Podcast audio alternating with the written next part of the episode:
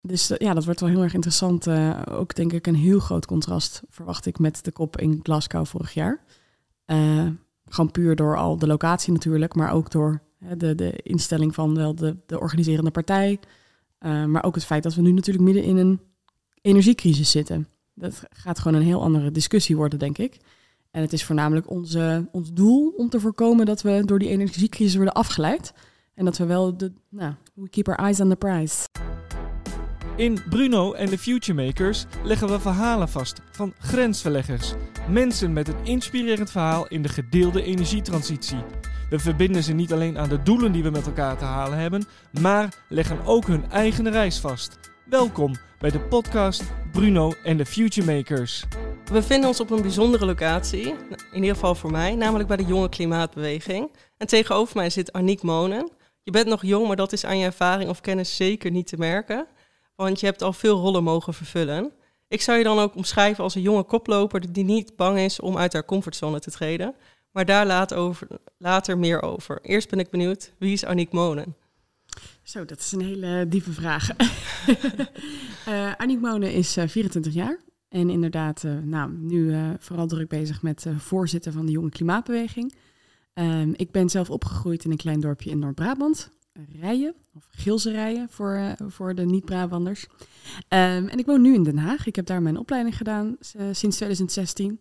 En sindsdien een beetje blijven hangen, want ik vind dat een hele mooie en bijzondere stad. Ja, tof om te horen. En dan gaan we even een stapje terug, want je zei inderdaad Brabant ben je opgegroeid. Ja. En een van je persoonlijke motto's, wat ik heb gevonden online, is: Ik heb het nog nooit gedaan, dus ik denk dat, dat ik het wel kan.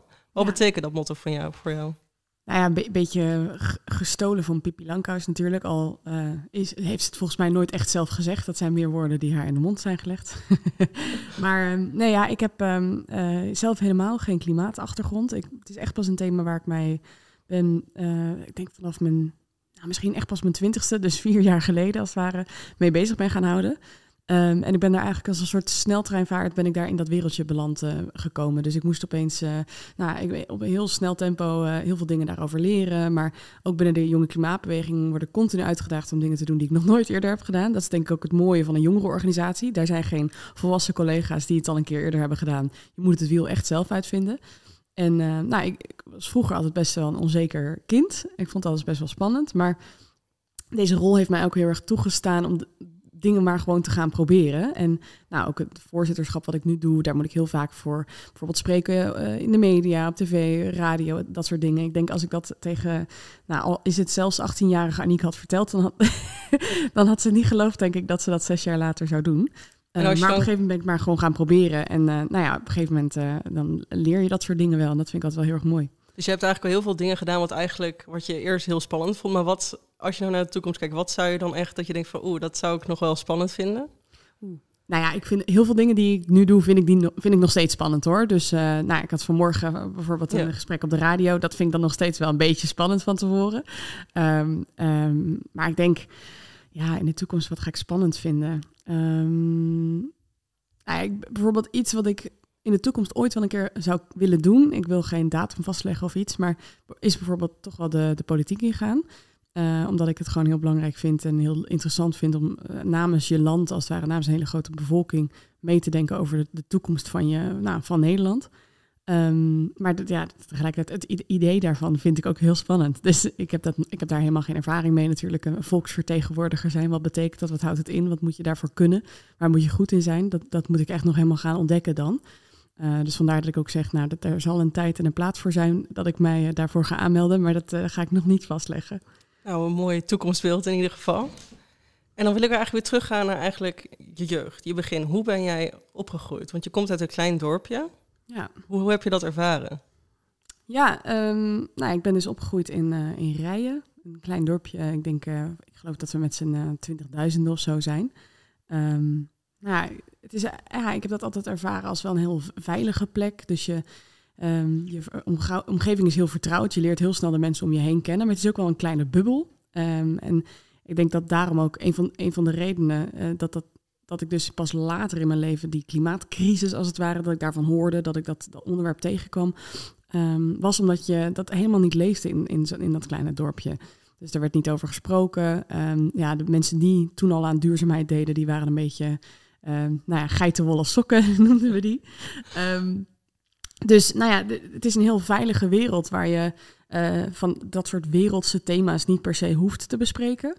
Um, en zo heb ik dat toen de tijd ook wel ervaren. Ik was helemaal niet met dat soort onderwerpen bezig. Ik was vooral bezig met vrienden en vriendinnen en uh, heel vaak gaan shoppen. Allemaal van dat soort uh, niet duurzame dingen. Echt tiener zijn. Echt tiener zijn. En ergens ben ik wel blij ook dat ik dat heb kunnen doen. want ik, ik, heb soms ook wel dat ik nu bijvoorbeeld jonge mensen spreek die echt 13 of zo zijn. en die nu al eigenlijk al, al hun tijd investeren in, de, in het tegengaan van de klimaatcrisis en in protesteren en in dat soort klimaatactivisme. En ik, ja, ik vind het heel erg admirabel aan de ene kant, maar ik vind het toch ook altijd best wel heftig om te zien dat die jonge kinderen daardoor eigenlijk niet een, ja, quote-unquote, normale jeugd kunnen leven. En je gunt ze eigenlijk gewoon een ja, ik gun ze een zorgeloze jeugd waar ze inderdaad niet over dit soort onderwerpen hoeven mee te denken. Maar we zijn natuurlijk nu op een punt in, in die klimaatcrisis dat um, nou ja, jonge generaties massaal opstaan en zeggen dat ze niet akkoord zijn met, uh, dat, dat, ze niet accepteren eigenlijk hoe weinig er nu nog wordt gedaan. En ik vind niet dat het de taak zou moeten zijn van jonge kinderen. En vandaar dat ik dat best wel ja, ergens heel verdrietig vind dat dat zo gebeurt. Ja, begrijpelijk denk ik, ja. ja. Want je had het net al over inderdaad dat je dat dat je niet echt bent opgegroeid met de klimaatproblematiek. Wanneer heb je dat dan voor het eerst ervaren? Kun je dat nog herinneren? Uh, ja, zeker. Nee, dus ik ging studeren in Den Haag. Ik heb daar um, Liberal Arts and Sciences gestudeerd. Iets wat uh, menig Nederlander heel weinig zegt. Het is een heel Amerikaans concept namelijk, waarbij je um, wel één studierichting kiest, maar ook, um, net zoals in Amerika, krijgen studenten heel veel uh, ruimte om eigenlijk vakken te volgen uit andere studierichtingen. Dus waar het in Nederland niet, niet normaal is dat je bijvoorbeeld scheikunde gaat studeren en vervolgens ook vakken volgt in de Nederlandse literatuur bijvoorbeeld, is dat daar wel acceptabel. Nou was mijn studie iets meer gericht, namelijk in uh, global challenges, dus wereldwijde uitdagingen. En daar was ik eigenlijk beland, omdat ik, nou, ik was net klaar met mijn middelbare school en ik had eigenlijk geen flauw idee wat ik wilde doen. Het enige, wat ik, ja, het enige wat ik wist, was dat ik aardrijkskunde heel erg interessant vond. En dus leren over hoe de aarde precies werkt, uh, de tektonische platen en hoe die zich verschuiven, maar ook leren over andere culturen. Dat vond ik echt wel mijn favoriete vak op school. En toen ben ik eigenlijk een beetje gaan rondneuzen van wat zijn nou, wat kun je nou gaan studeren, uh, ja, als een soort van navolging op aardrijkskunde. Toen vond ik die studie. Um, daar heb ik allereerst een studierichting gekozen in uh, Governance, Economics and Development. Dus dat was een beetje internationale ontwikkelings kunde, bestuurskunde, meets economie, zeg maar. Een beetje, ja, dat, dat soort vakken had je dan. Um, maar omdat het dus zo'n integrale, uh, intersectionele opleiding was, moest je dus ook vakken volgen in bijvoorbeeld politiek, maar ook um, duurzaamheid en ook diversiteit. Dus je had ook vakken over dingen zoals racisme en zo. En ja, ik als ja, klein Brabants meisje was opeens, kreeg zoveel onderwerpen naar mijn hoofd gegooid waar ik nog nooit over had gehoord. Um, en het was hartstikke interessant. En ik dacht echt, wauw, dit, ik heb hier nog nooit over nagedacht. Ook juist omdat ik natuurlijk uit zo'n veilige bubbel kom, heb ik nog nooit over dit soort onderwerpen hoeven nadenken. Um, en ik, ja, weet nog wel dat ik inderdaad die klimaatcrisis, die komt best wel hard binnen als je daar dan pas voor het eerst over hoort. Tegelijkertijd denk je ook, uh, ja, wat is dit groot, het, dit onderwerp waar iedereen van zegt dat dit heel groot en belangrijk is, maar hoezo heb ik daar dan de afgelopen 18 jaar nog niet over gehoord? En het was echt dus wel ook wel redelijk geleidelijk dat ik daar meer over hoorde, meer over praten met mijn vrienden op de studie. Um, en uiteindelijk de, de, de grote, ja, het kantelpunt voor mij is denk ik geweest dat ik op een gegeven moment uh, een half jaar naar het buitenland mocht om daar een, een, paar vakken te volgen. En ik had toen al wel zoiets van, ah, ik had eigenlijk wel misschien meer over duurzaamheid willen leren.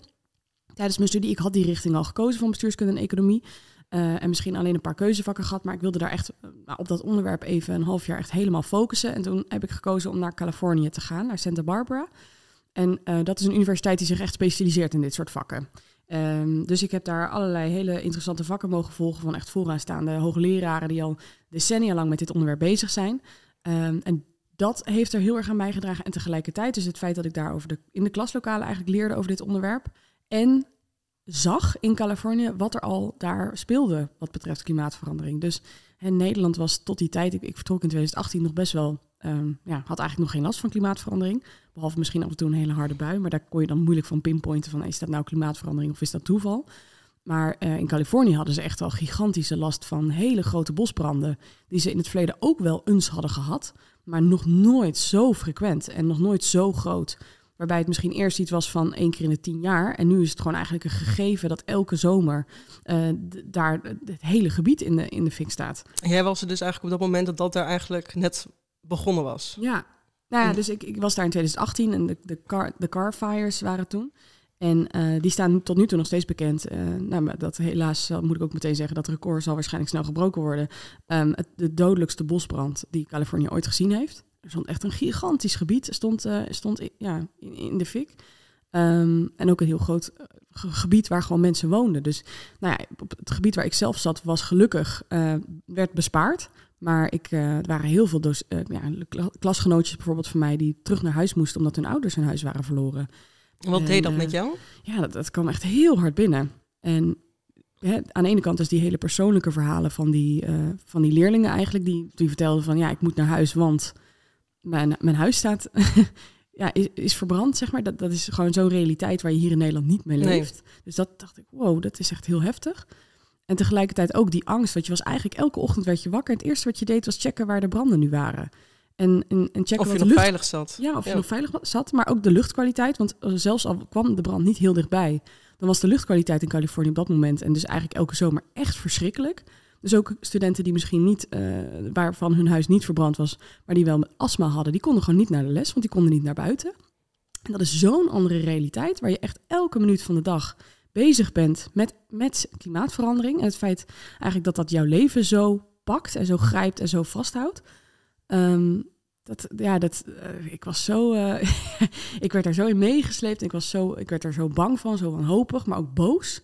Um, dat is echt zo'n soort emotionele golf die over me heen kwam van, oh, wat is dit ontzettend eng eigenlijk als je daar zo oog in oog mee staat. En toen kwam ik terug in Nederland en toen dacht ik, oh, ik moet hier iets mee.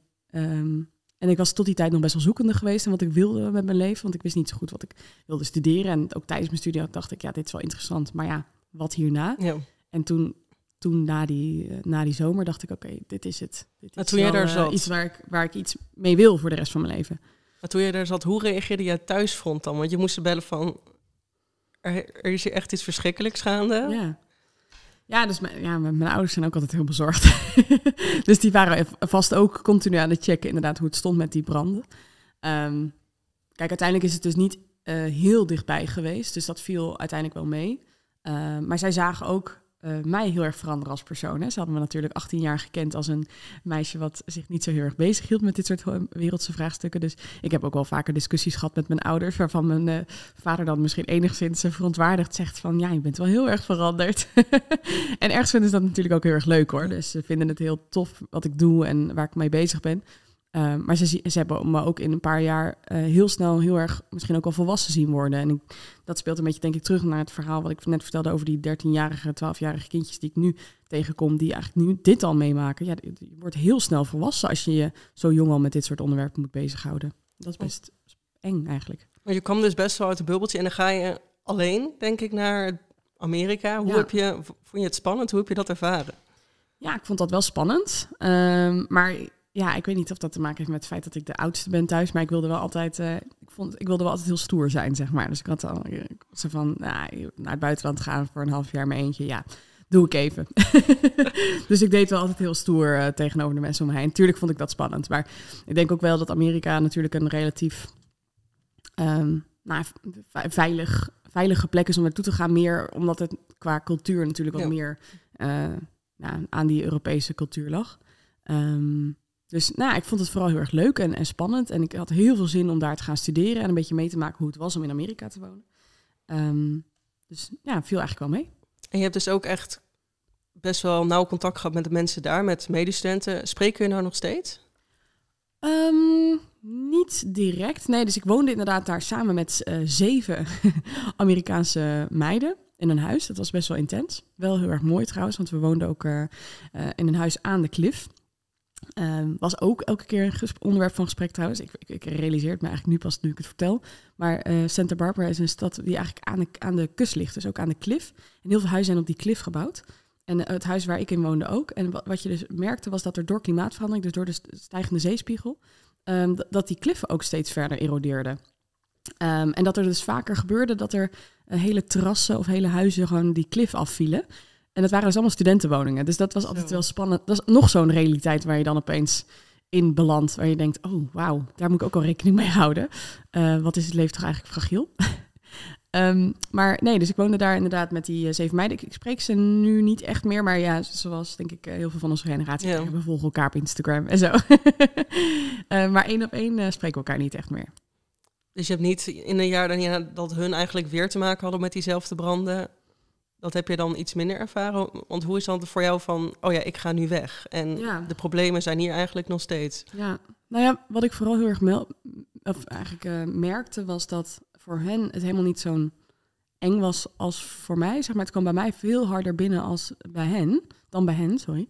Um, en dat zit hem denk ik heel erg in het feit dat zij natuurlijk gewend waren al dat dat gebeurde. Het jaar dat ik, voordat ik uh, bijvoorbeeld uh, naar Sint Barbara ging, um, hadden ze hele grote bosbranden gehad die veel dichter bij campus uh, kwamen. En op dat moment was het niet zozeer die bosbranden waren het probleem, maar de modderstromen daarna. Want wat er vaak gebeurt bij bosbranden is dat de bo bomen eigenlijk verbranden, waardoor ze de, de grond niet meer kunnen vasthouden. En toen is een heel groot deel van de campus is toen helemaal volgestroomd met modder, waardoor die niet meer um, via de weg eigenlijk bereikbaar was. En mensen dus, studenten dus nog wel ver, verwacht werden om naar school te komen, maar met de boot moesten komen. En ja, dat, dat, dat was het jaar voordat ik daar kwam. Dus de, ja, zij, zij leefden al zo met die realiteit. En zij hadden al zoveel extremer meegemaakt. Dat het bijna misschien voor hen misschien schattig was dat, ik, dat ik me zo zorgde maakte. Terwijl brand, de, de, de branden eigenlijk niet, zo, niet zozeer dicht bij mij kwamen. Uh, maar voor mij als, als Nederlander dus kwam dat heel hard binnen. Maar ja, zij, zij zijn daar redelijk uh, ja, normaal onder. Ja, misschien ergens ook wel noodzakelijk, omdat je het anders misschien ook niet volhoudt. Maar ik vind het wel, inderdaad, als je dit zo zegt, best wel eng dat dit normaal is.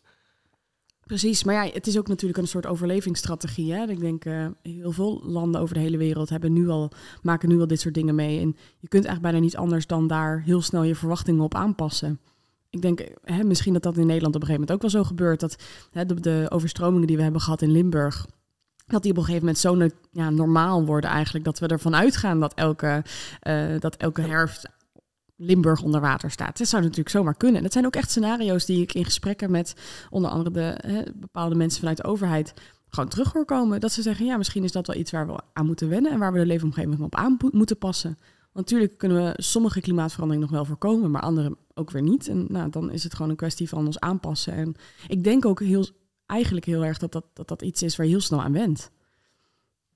Ja, en dat, dat is ergens ook heel gevaarlijk natuurlijk. Dat is het hele probleem met klimaatverandering. Van wat vinden we nou eigenlijk nog normaal? Want toen, toen kwam je eigenlijk weer terug, eigenlijk met een hele andere mindset. Wat is er toen voor jou veranderd in je leven of in je omgeving? Ik denk uh, alles.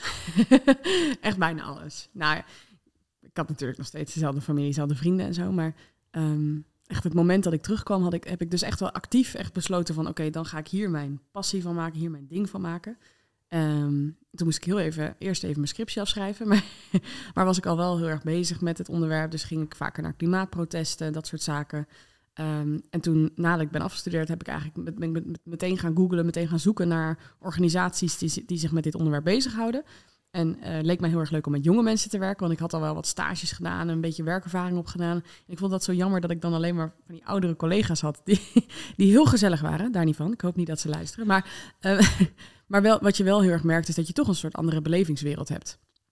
En um, dat merkte je heel erg, merk ik nog steeds heel erg in gesprek over klimaatverandering. Dat is toch gewoon net, ze ervaren dat toch net op een andere manier. Um, en nou, ik wilde dus graag met jonge mensen werken. Toen heb ik gewoon gegoogeld jongeren, klimaat organisatie, zoiets geloof ik. En toen vond ik, gek genoeg, de Jonge Klimaatbeweging. Uh, en toen heb ik eigenlijk, uh, ben ik op de website gaan kijken naar vacatures. En dan hadden ze een bestuursfunctie openstaan. En uh, toen ben ik daar eigenlijk dat wereldje ingerold en sindsdien niet meer weggegaan.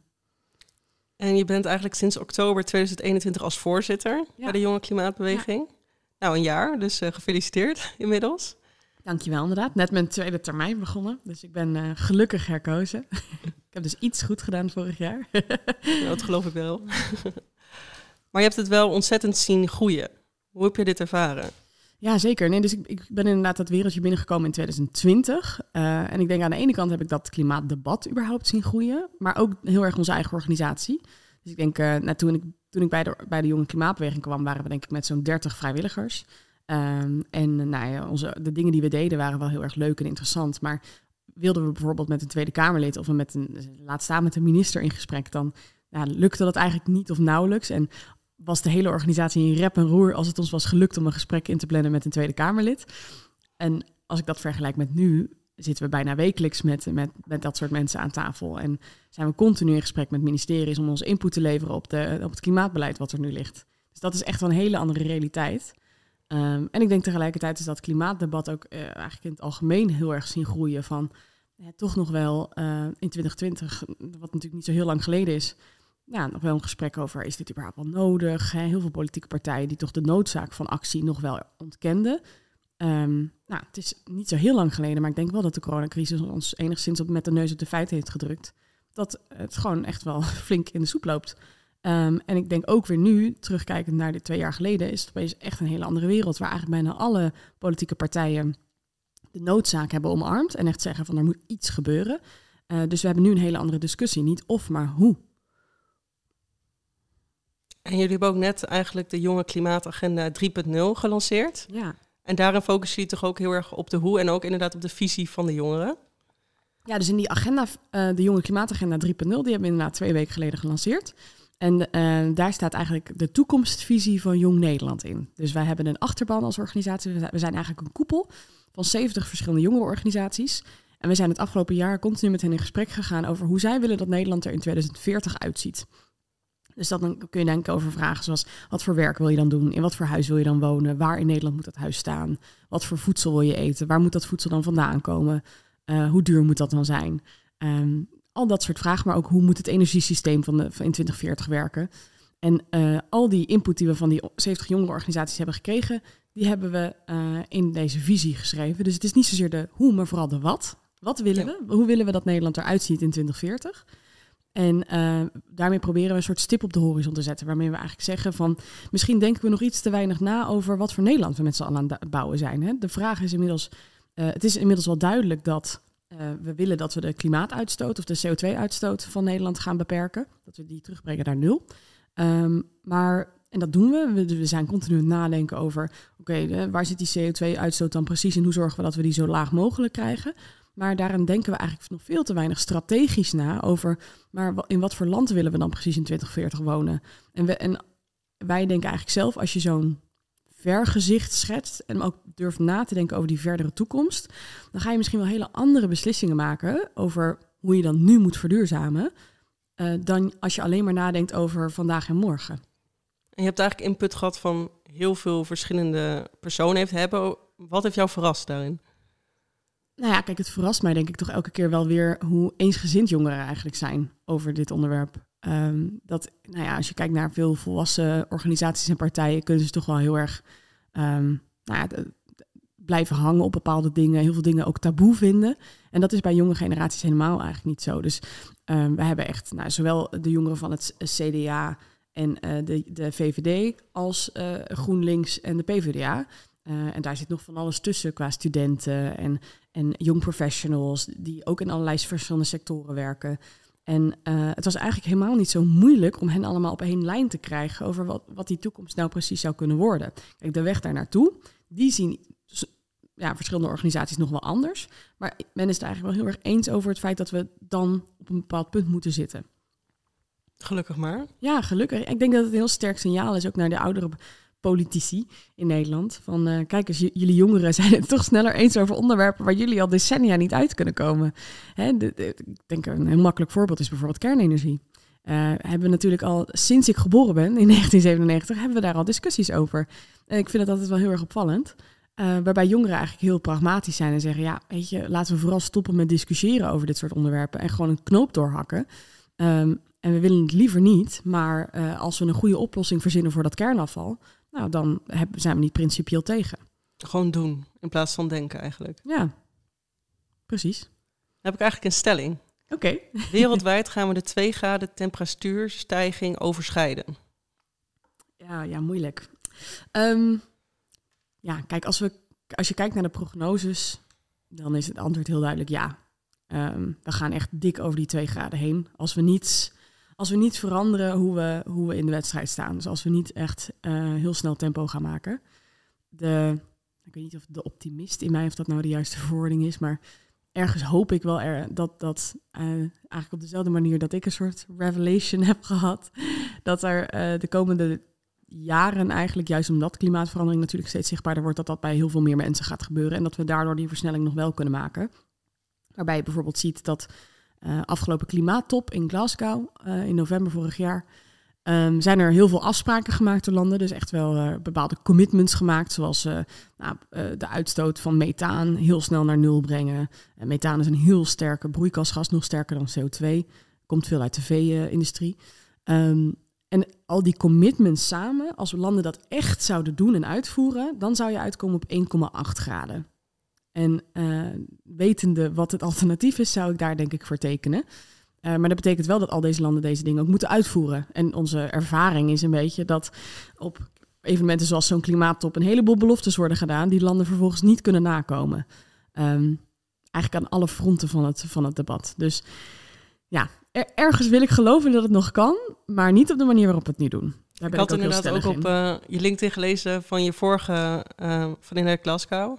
Ja. Jouw ervaring daar. Wil je daar iets over vertellen? Ja, um, ik ben denk ik iets te optimistisch daarheen gegaan. uh, ik had echt wat idee van, wauw, ik mag een keer naar zo'n klimaattop. Dat is wel heel bijzonder. Um, wat gaaf. Dat wordt ontzettend interessant en leuk. Um, en ja, toen ik daar eenmaal aankwam, werd ik toch wel snel met mijn neus op de feit gedrukt van, dit is helemaal niet leuk. uh, ik vond het echt, nou, verschrikkelijk is misschien wel heel extreem weer, maar ik vond het echt niet leuk om daar te zijn. ergens, Want? Ja, omdat als er een plek is waar het heel duidelijk is dat mensen er mensen van over de hele wereld, zowel in Nederland als in uh, Korea, als in uh, Colombia, maakt niet uit, de urgentie van deze klimaatcrisis niet inzien, dan is het op de klimaattop. Wereldleiders van over de hele wereld zitten daar discussies te voeren over onderwerpen waarvan je dan echt denkt, dit is totaal niet relevant. En het is ook nog de klimaattop. Precies, dus je zou echt denken van dit is waar het gebeurt. En vervolgens merk je dat mensen alleen maar bezig zijn met een soort flauwe beloftes maken, um, eindeloze discussies voeren over dingen die volgens mij gewoon heel, heel plain en simpel zijn. Dus uh, een van de grote dingen die bijvoorbeeld vorig jaar uh, heel duidelijk nou ja, gebeurde, was dat er een groot meningsverschil was tussen landen of je nou moest zeggen in het, in het slotakkoord, gaan we, do we face down fossil fuels? Of do we phase out fossil fuels? Dus gaan we minder gebruiken of gaan we het niet meer gebruiken? En het is niet in 2023 of zo. Dit was echt een verre stip op de horizon. Waar we probeerden te zeggen wat we ongeveer verwachten in de toekomst. En er zijn dus landen die gezegd hebben van nee, wij kunnen niet phase-out zeggen. Want we, gaan we blijven het gewoon gebruiken. Terwijl als je kijkt naar de verschillende klimaatscenario's, er is gewoon, we moeten gewoon stoppen met het gebruiken van fossiele brandstoffen. En dat je dan ziet dat dat dan het, ja, de grootste discussie is. Maar ook dat er echt zoveel andere gesprekken worden gevoerd waarvan je denkt, ja, jij, jij ligt helemaal niet wakker van klimaatverandering. Zoals een heel groot deel van de jonge generaties wel doen. Um, ik, ik, zie, ik zie het niet bij jou. En dat komt heel hard binnen als je daar, als je daar rondloopt en als je die gesprekken volgt en ziet. Dat je denkt, wauw, zijn dit, dit zijn de mensen die het voor ons moeten oplossen. Terwijl het buiten dat... eigenlijk buiten dat de venue zeg maar staan vorig jaar 150.000 mensen te protesteren. En die klimaatleiders van die landen die blijven gezellig binnen zitten. En die doen vervolgens niks anders dan, uh, nou, dan wat ze voorheen deden. Misschien schets nu, ik denk, een heel negatief beeld van wat er daar gebeurd is. Er zijn ook heel veel mensen die zeggen dat nou het akkoord wat er daar geschreven is best wel revolutionair is. Juist omdat er iets over, omdat er iets over fossil fuels in staat, hè, fossiele brandstoffen. Maar dan denk ik, jeetje, jongens, wat, is de, wat, wat zijn onze verwachtingen laag? En stel jij zou dat mogen organiseren, wat zou je dan doen? Ik zou um, misschien ten eerste gewoon niet de wereldleiders uitnodigen, maar iedereen vragen om gewoon een jonge collega te sturen omdat ik echt denk, joh, als wij uh, als we deze discussie zouden voeren met uh, eh, 30-jarigen, of, of, jonger dan dat, kan ook nog. Kijk naar Zweden, die net natuurlijk een 26-jarige minister voor klimaat heeft uh, aangeschreven. Um, dat, ik denk dat dat al een wereld van verschil zou maken. Als we een discussie zouden voeren met degene die echt geraakt zouden worden door dit probleem. Uh, je merkt het al heel erg, bijvoorbeeld de verhalen die echt hard bij mij binnenkwamen op die klimaatop, waren de verhalen van de uh, ministers en, prime ministers van, van eilandstaten. Omdat die echt heel, uh, heel sterk konden vertellen over eigenlijk hoe hun land hun eiland nu al te maken had met klimaatverandering. Eh, heel populaire beelden zijn bijvoorbeeld van de, de, de prime minister van Vanuatu, dat is een klein eiland, die een speech staat te schrijven, of een speech geeft terwijl hij half onder water staat. Hij is in de zee gaan staan en is, heeft toen een speech opgenomen. Dat is toen helemaal viral gegaan. Het komt gewoon heel hard binnen, omdat dit de mensen zijn die uit eigen ervaring kunnen vertellen hoe slecht het eigenlijk gaat. Ehm, maar zij zijn eigenlijk ondervertegenwoordigd op dit soort conferenties. En degene die het meest vertegenwoordigd zijn, zijn de mensen die er helemaal nog niet mee te maken krijgen. Um, dus ik denk, ja, laat maar eens, gaan we, laten we deze discussie nou eens gaan voeren met degene die hier nu al mee te maken hebben. En die hier met de gevolgen van de beslissingen die we vandaag de dag maken moeten gaan leven. En ik denk dat dat al echt, uh, nou, dan komen we op hele andere uitkomsten uit, denk ik. Een klimaattop eigenlijk voor jongeren. Ja, maar dan dus wel namens hun klimaat. Ja. Uh, of namens hun landen. Want ik denk wel, er worden heel vaak uh, wereldwijde organisa- of, evenementen georganiseerd voor jongeren. Dus voor de kop heb je ook altijd de COI, de Conference of Youth. Maar dat, dan, dat wordt dan weer omgedoopt tot een soort schattig evenement waar jongeren dan een keer de kans krijgen om de, de, president van de kop een, een, keer een woordje toe te spreken. En die kop die knikt dan en die zegt dankjewel, doe er helemaal niks mee. dus het moet dan wel ook, die, die, die jongeren moeten dan, het, moeten dan een mandaat hebben om namens hun land beslissingen te maken. En dan denk ik, als we dat zouden doen, dan gaan we echt het verschil maken. En begin november is de volgende. Ga je daarheen? Ja, daar ga ik heen. Ja, dus de volgende wordt uh, in Egypte, Sharm el-Sheikh. Sharm el-Sheikh. Um, dus uh, ja, dat wordt wel heel erg interessant. Uh, ook denk ik een heel groot contrast verwacht ik met de kop in Glasgow vorig jaar. Gewoon puur door al de locatie natuurlijk, maar ook door de, de instelling van wel de, de organiserende partij. Uh, maar ook het feit dat we nu natuurlijk midden in een energiecrisis zitten. Dat gaat gewoon een heel andere discussie worden, denk ik. En het is voornamelijk onze, ons doel om te voorkomen dat we door die energiecrisis worden afgeleid. En dat we wel de, nou, we keep our eyes on the prize. Dus je gaat wel weer met een iets positiever gevoel naar deze. Nou ja, nee, ik heb er helemaal geen zin in. nee, ik heb er echt geen zin in. Want ik weet dat het dus weer niet leuk gaat worden. Maar ik denk wel dat het belangrijk is om te gaan. Want ik weet wel vorig jaar dat we echt wel um, iets unieks hebben kunnen toevoegen aan de gesprekken. En dat we uh, kritische vragen konden stellen op momenten waar andere mensen helemaal geen kritische vragen stelden. En ook bijvoorbeeld uh, de terugcommunicatie naar het thuisfront. Er is altijd heel weinig uh, nou, zicht op wat er op zo'n klimaattop gebeurt. Dus ik heb vorig jaar bijvoorbeeld ook heel vaak contact gehad met journalisten om hen te vertellen uh, welke pledges Nederland dan weer niet ondertekende. Nou, dan uh, gaat de pers daar een heel mooi stuk over schrijven. En zo proberen we dan een beetje het kabinet terug in Nederland te overtuigen om dan toch maar van, van mening te veranderen. Er was bijvoorbeeld vorig jaar een heel groot pledge eigenlijk die er was gestart. En dat kunnen landen dan ondertekenen. En uh, die pledge ging over het feit dat we wilden stoppen met het investeren van, in, fossiele projecten in het buitenland. Dus foreign direct investments. Um, en Nederland had dat niet ondertekend. En kwam toen met een soort slap advies, zo, of, slap, uh, slappe conclusie van ja, maar we zijn een demissionair kabinet, want dat was toen nog zo. Dus we kunnen dit nu, nu, niet ondertekenen. Terwijl ze natuurlijk heel veel andere dingen wel gewoon ondertekenden en deden. Dus dat was een beetje een flauwe, flauwe conclusie. En toen hebben we eigenlijk met een paar andere grote organisaties die daar ook aanwezig waren gezegd: oké, we gaan dit helemaal proberen op te blazen in Nederland. Dus we gaan ervoor zorgen dat alle voorpagina's hiermee vol staan. En we hebben een petitie gestart om eigenlijk het kabinet op te roepen om dat toch te ondertekenen. En um, ik ben de eerste week van de kop ben ik daar geweest. En toen ben ik weer terug naar huis gegaan. En die maandagochtend toen ik weer terug in, in mijn bed uh, wakker werd, zeg maar in Nederland. En ik keek op mijn telefoon en ik had uh, echt uh, tientallen appjes van het is gelukt. Ze hebben het toch ondertekend. En dat was heel bijzonder, want het gebeurt echt niet vaak dat, dat het kabinet draait op dit soort grote beslissingen. Dus dat ze eerst echt stellig nee zeggen en dan opeens van mening veranderen. Maar het had heel erg geholpen, juist omdat mensen in Nederland dus zo verontwaardigd waren dat een land als Nederland niet meedeed met zoiets. Uh, dat ze zich toch een soort van gedwongen voelden om van mening te veranderen. Want eigenlijk ben je een beetje um, ja, klimaatactivist, maar ook wel met heel veel lijntjes binnen de politiek. Dat lijkt me best wel een bijzondere verhouding. Klopt, is ook best een uitdaging. Um, ik denk, uh, het is af en toe best ingewikkeld om als je klimaatrapporten leest en daar echt heel pissig van wordt, omdat je denkt, jee, wat gaat het slecht. En dan, ik kan daar ook echt wel heel uh, uh, ja, depressief is weer een groot woord, maar ik kan daar echt wel heel verdrietig van, van zijn, ook echt dagenlang. Um, niet alleen ik, maar heel veel mensen uit onze generatie zitten met deze, ja, heel mooi gezegd, eco-anxiety af en toe. Um, en dan vervolgens inderdaad toch een soort semi-serieus gesprek wil hebben met een politicus. En met hem of haar wil meedenken over hoe ze toch ja, sneller kunnen. Ehm, en dus dat is altijd wel een soort afweging van, oké, hoe, hoe boos gaan we om dingen worden? Uh, en ik denk dat ergens, het is altijd belangrijk dat we natuurlijk super kritisch blijven en echt wel uh, nou, geen concessies doen op wat wij denken dat nodig is. En tegelijkertijd helpt het ook niet als je alleen maar boos gaat zitten doen, want dan mag je op een gegeven moment gewoon niet meer komen. Um, dus het is altijd een, een beetje een zoektocht van hoe verwoord ik mijn boosheid op een manier dat, uh, dat ik nog wel terug mag komen. En hoe probeer je dan eigenlijk hun gevoelige snaar te raken?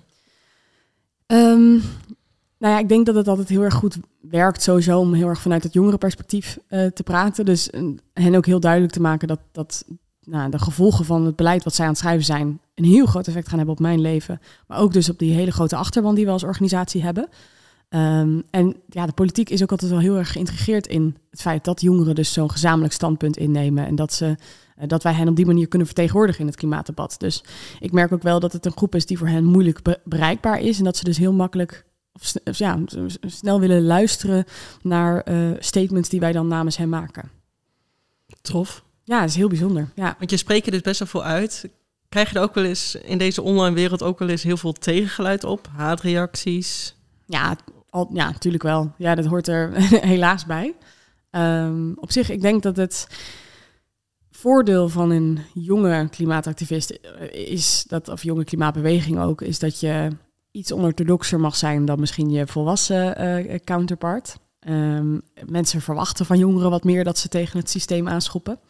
Um, maar er zijn natuurlijk altijd heel veel mensen die heel erg tegen verandering zijn. En die uh, heel snel, als wij bepaalde dingen zeggen, zoals over twintig jaar gebruiken we geen fossiele brandstoffen meer. Ja, maar dat kan toch niet? En hoe, hoe ja, je bent dom dat je denkt dat dat kan. En vooral dat soort, dat, dat soort ja, eigenlijk uh, verwijten krijg ik toch wel vaak naar mijn hoofd. En dat, in het begin was dat wel uh, heftig. Daar raakte me dat wel. Maar inmiddels denk ik ook, ja, het feit dat het mensen raakt is ook wel weer een goed teken. Onrust creëren eigenlijk. Ja, ja onrust is misschien wel heel negatief. Maar um, ja, als het, als, als het mensen raakt, um, dan, dan verandert er wel iets, zeg maar. Ik zou, ik zou me meer zorgen maken als het niemand raakte. Ik denk, als, ja, mensen willen het er dus wel over hebben. Mensen hebben er een mening over. Um, ik denk dat dat heel anders is dan bijvoorbeeld tien jaar geleden. Toen had een heel groot deel van Nederland er geen mening over, inclusief ikzelf. Uh, dus het feit dat iedereen er nu al zo op zich mee bezig is, uh, betekent wel, denk ik, dat we al een stuk verder zijn. We hadden het, nou raakt een beetje de snaar waar we het net over hadden. Inderdaad, het soep gooien op de, ja. op de schilderijen. Ja, klopt. Dat Wat is jouw kijk daarop? Um, nou ja, kijk, uh, het, het, is natuurlijk inderdaad iets wat veel besproken wordt nu. Uh, hoe ver mag je gaan in, in dit soort klimaatprotesten? En uh, we als Jonge Klimaatbeweging organiseren zelf niet dit soort acties. Maar um, je hebt natuurlijk wel steeds meer organisaties die zeggen... ja, het is allemaal leuk en aardig dat jullie met de politiek praten... maar ik geloof niet dat zij nog... dat zij in staat zijn om de verandering in te zetten die we nodig hebben. En ik snap dat heel erg. Want, geloof je dat zelf wel? Nou ja, als ik het niet zou geloven, dan zou ik hier niet zitten. Tegelijkertijd um, zie ik ook hoe moeilijk het is. En uh, dat erken ik ook dat om de klimaatdoelen te gaan halen, moeten we, um, is, gaat het nodig zijn om tegen onze eigen belangen in te stemmen. Dus moeten we beslissingen gaan maken op basis van het idee dat dat voor toekomstige generaties beter is, maar voor onszelf slecht. En dat is natuurlijk heel erg ingewikkeld. En dan is, is de vraag inderdaad, denk je dat mensen daartoe in staat zijn? En ik geloof dat dat kan als we de klimaaturgentie genoeg inzien. Um, maar ik denk ook dat het heel moeilijk is. Dus ik snap ook wel dat, heel, dat deze groepen zeggen van nou, ik geloof niet dat dat kan. En, en in ieder geval niet dat het op tijd kan. Um, dus ik denk, weet je, zo'n actie als inderdaad soep gooien op een, op een schilderij. Ik moet ook heel eerlijk zeggen dat toen ik het eerst hoorde, dacht ik, hebben ze een Van Gogh verpest? Maar later hoorde ik, net zoals denk ik heel veel mensen, dat er gewoon een glazen wandje tussen zit. Um, en dat dat schilderij dus nooit beschadigd had kunnen worden. En dat zij dat zelf ook wisten. En dan denk ik toch heel eerlijk van, jeetje, wat een geniale actie. Het is wel echt wereldwijs wereldnieuws geworden. Ja, ja en natuurlijk, je kunt discussies voeren over hoe, hoe, relevant is het nou? Wat, is het niet te ingewikkeld, de link tussen een Van Gogh schilderij en klimaatverandering? Uh, tegelijkertijd denk ik, ja, er zijn natuurlijk heel veel dingen die veel uh, relevanter zijn. Kijk, wat mij betreft hadden ze ook een blik soep mogen gooien op de auto van een CEO van Shell of zo. um, maar dat doen ze al. Of in ieder geval, ik weet niet of ze ooit een blik soep hebben gegooid, maar ze doen heel vaak ja. acties rond dit soort bedrijven en bij dit soort partijen. Maar dan komen ze niet in nieuws. Maar misschien is het dus, inderdaad juist zo, nieuw, ja, zo actueel geworden, omdat het Omdat het juist iets tegenstrijdig is misschien. Precies, dus het, ja, het zet mensen heel erg aan het denken, denk ik. Het, ik zie het overal in het nieuws voorbij komen. En er zijn denk ik weinig acties geweest in de geschiedenis van het klimaatactivisme... die zo echt breed zijn besproken aan alle talkshowtafels, ook nog weken nadat, dat, nadat het is gebeurd. Dan denk ik, ja, dan heb je gewoon een hele succesvolle actie gehad. En dan heb je misschien toch wel bereikt wat je wilde bereiken. Want deze mensen willen niet, uh, hun doel is niet geliefd worden. Dat is niet, dit is Zeker niet hun doel. Hun grootste doel is verandering teweeg brengen. En uh, eigenlijk mensen aan het denken zetten over dit soort grote vraagstukken. En dan denk ik, nou, volgens mij is dat gelukt. Want we hebben het allemaal over, ja, wat is nou precies de link tussen klimaatverandering en, en deze actie? En ik denk wat heel erg interessant is, is wat, wat is nou precies van waarde? Wat vinden we belangrijker? Vinden we uh, belangrijker dat een Van Gogh blijft hangen of vinden we het belangrijker dat er een toekomst uh, bestaat? Want ik, ik heb nog nooit zoveel collectief, collectieve boosheid gezien over een actie. Dan denk ik, jee, zijn we nou zo bo boos eigenlijk over het verpesten van een uh, Van Gogh? En ja, de wereld dat, maar, straks... wa maar, waarom zijn we niet ja. even boos over het feit dat er door onze overheden nog, zo steeds, nog steeds zo weinig wordt gedaan om onze toekomst te garanderen? Waarom zijn, ben je niet zo boos op het feit dat de, de, eigenlijk het kabinet eigenlijk geen leefbare toekomst voor jouw kinderen en kleinkinderen kan garanderen? En ik denk dat dat een hele interessante discussie is om met elkaar te voeren. Van hoe komt het dat we die collectieve boosheid dus niet voor dat onderwerp uh, voelen? Waar zit dat dan in? En ik denk dat het heel goed is gelukt om dat gesprek te starten. Ja, dat uh, weet ik wel zeker, ja. ja. Dan heb ik weer een stelling. Over minder dan tien jaar ben ik minister van Klimaat. ja, grappig. Um, over minder dan tien jaar. Um, ja, ik zou het wel leuk vinden. Of ja, leuk is niet een goed woord. Ik zou het wel een uitdaging vinden. En wat zou je als eerste doen? Uh, nou ja, ik hoop dat het natuurlijk dan al is opgelost over tien jaar. dus dat ik alleen nog een beetje de afronding mag doen. Um, maar ik denk wel, als ik, als ik nu bijvoorbeeld minister van Klimaat zou worden... Um, dan zou ik het stokje mogen overnemen van Rob Jetten. Uh, ik denk dat ik wel uh, nou, in ieder geval zou proberen zo snel mogelijk... Uh, ten eerste na te denken over die visie. Hè? Dus we hebben net met de Jonge Klimaatbeweging een visie geschreven voor 2040. Wat is eigenlijk de visie voor Nederland? Ook vanuit de overheid. Zou ik heel interessant vinden om daar met z'n allen een soort richting in te geven. En dan gewoon echt grote beslissingen maken. Dus niet langer dat laaghangend fruit, maar echt grote beslissingen maken die eigenlijk ten grondslag liggen aan, aan de verduurzaming. Dus een van de dingen die bijvoorbeeld verduurzaming heel erg in de weg zit, is het feit dat ons belastingssysteem ons volledig de verkeerde kant op stuurt. Eigenlijk alles wat duurzaam is, is hartstikke duur. Er zit een hele dikke BTW op. En alles wat uh, niet duurzaam is, dus vervuilend, daar wordt geen belasting op geheven. Dat doen we hartstikke makkelijk over. Uh, uh, is hartstikke goedkoop. Dus ik denk dat je met zo'n belastingsverandering, en Nederland is natuurlijk moeilijk, want als belastingdienst is, is vrij traag, maar daar zou ik iets proberen aan te doen. En dan dat soort veranderingen doorvoeren. Dus ervoor zorgen dat mensen, zonder dat ze die elke dag, el, elke minuut bezig moeten zijn met wanneer maak ik nou precies de, de ethische keuze, eigenlijk makkelijker voor hen maken om op basis van puur prijsindicatie gewoon de slimme, duurzame keuze te maken. En wat zou je zo houden? Oh. Zou je iets houden? Dat is misschien een. Uh... Wat zou ik zo houden? Um, ja, kijk, als klimaatminister. Nou, ja, zou... Of als minister-president, ja. kan ook. Uh, nou ja, kijk, er, gaan natuurlijk, er zijn natuurlijk best wel wat dingen die al goed gaan. Ik denk dat uh, onze uitrol van wind op zee al heel goed is. Ik zou die absoluut laten staan. of als minister, minister-president, ja. Uh, ja, ik vind het een moeilijke vraag. Ik, ik wil niet overkomen als uh, er zijn. Alles is mis in Nederland natuurlijk, hè? want er gaan natuurlijk heel veel ja. dingen gewoon goed.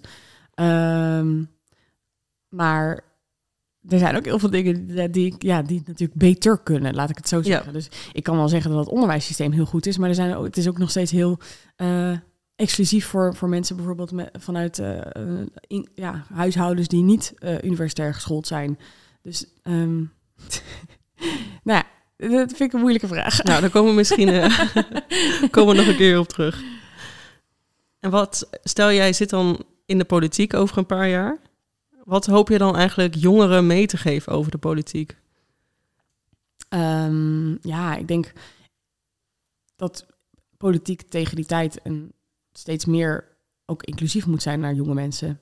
Hè, het feit dat er een jonge klimaatbeweging moet bestaan, uh, betekent eigenlijk al dat jongeren in de eerste plaats niet zijn meegenomen. En er zou geen behoefte zijn voor jongere organisaties, denk ik, als jongeren in de eerste plaats al een plek aan tafel zouden hebben en in de Tweede Kamer zouden zitten. En bij de ministeries grotere functies, behalve alleen maar stagiair en trainee, zouden kunnen krijgen. Dus uh, ik zou vooral ervoor zorgen dat ik jonge mensen op allerlei manieren betrek bij het beleidsproces. Um, want ook ik ben over tien jaar geen jongere meer. Ben ik nog steeds jong, maar geen jongere volgens onze eigen definitie, want wij zeggen 16 tot en met 32. Dus ik ben altijd, ik heb altijd wel zoiets van, ook als ik later, uh, later groot ben, zou ik wel vooral heel veel ruimte ook blijven maken en geven aan, aan die jonge mensen. Want ik ik denk juist het, dat onorthodox, wat ik eerder al noemde van jonge generaties, ik denk dat dat echt briljant is. En ik denk dat dat de toegevoegde waarde is van jonge mensen in het debat. Dat ze eigenlijk continu vraagtekens blijven plaatsen uh, bij dingen die voor oudere generaties als, als een soort gegeven worden uh, ja, gehouden. Dus dingen die, die, die bijvoorbeeld oudere generaties vinden het heel logisch en normaal dat iedereen een eigen auto heeft. En jonge generaties zeggen dan hoezo? Waarom moeten wij per se allemaal een eigen auto hebben? Kunnen we dat ook niet anders aanpakken? Die, in de, voor, bijvoorbeeld de verduurzaming. Um, dat soort vraagtekens kan ik op een gegeven moment ook niet meer, niet meer stellen, denk ik. Ik probeer, ik probeer dat natuurlijk wel, maar je kunt toch niet echt voorkomen dat je op een gegeven moment gewoon dingen als normaal gaat beseffen. En dat, je dan het, dat het moeilijker wordt om dan met een soort van bril van buitenaf te, gaan bekijken van oké, maar hoe kan dit eventueel anders? Dus ik zou vooral inderdaad uh, zorgen dat uh, jonge mensen om mij heen mij continu blijven bevragen op dat soort uh, zaken. Hoop je dan ook eigenlijk dat de jonge klimaatbeweging niet meer hoeft te bestaan, omdat ze eigenlijk al worden betrokken in de politiek? Ja, ja, zeggen wij zelf altijd wel. Van in principe is ons doel om onszelf onnodig te maken. Omdat uh, ten eerste we de klimaatdoelen hebben gehaald. En ten tweede omdat we jongeren al breed betrekken in de politiek. En dan kunnen wij als jonge klimaatbeweging ons denk ik opheffen. Dat vind ik wel echt heel mooi eigenlijk, ja. Ja. En eigenlijk mijn laatste vraag. Nou, ik durf eigenlijk wel te zeggen dat je een inspiratie bent voor anderen. Maar wie is jouw inspiratie? Oeh, nou, ten eerste dankjewel trouwens. Vind ik mooi compliment. Um, wie is mijn inspiratie? Ja, ik denk dat ik continu word geïnspireerd door uh, klimaatactivisten van over de hele wereld. Uh, zowel in Nederland als daarbuiten. Ik merk het ook heel erg op de, op de klimaattop van vorig jaar. Er komen jongeren van over de hele wereld komen dan naar zo'n plek toe om echt super inspirerende en, en, en echt uh, speeches te geven die je echt raken. en dat zijn jongeren die eigenlijk net zoals die mensen in Californië elke dag te maken hebben met de realiteit van klimaatverandering. En daar niet door neergeslagen worden, maar daardoor een soort van. Ja, dat dat een soort vuurtje in hen laat branden om, uh, om uh, ja, toch verandering teweeg te brengen. En ik, ik, ben elke dag geïnspireerd door, door jongeren als, als hen, waardoor ik wel zoiets heb van: oké, als zij het kunnen, dan uh, kan ik het ook. Nou, heel mooi. Dan sluiten we daarmee af. Dank je. Ja, dank je wel.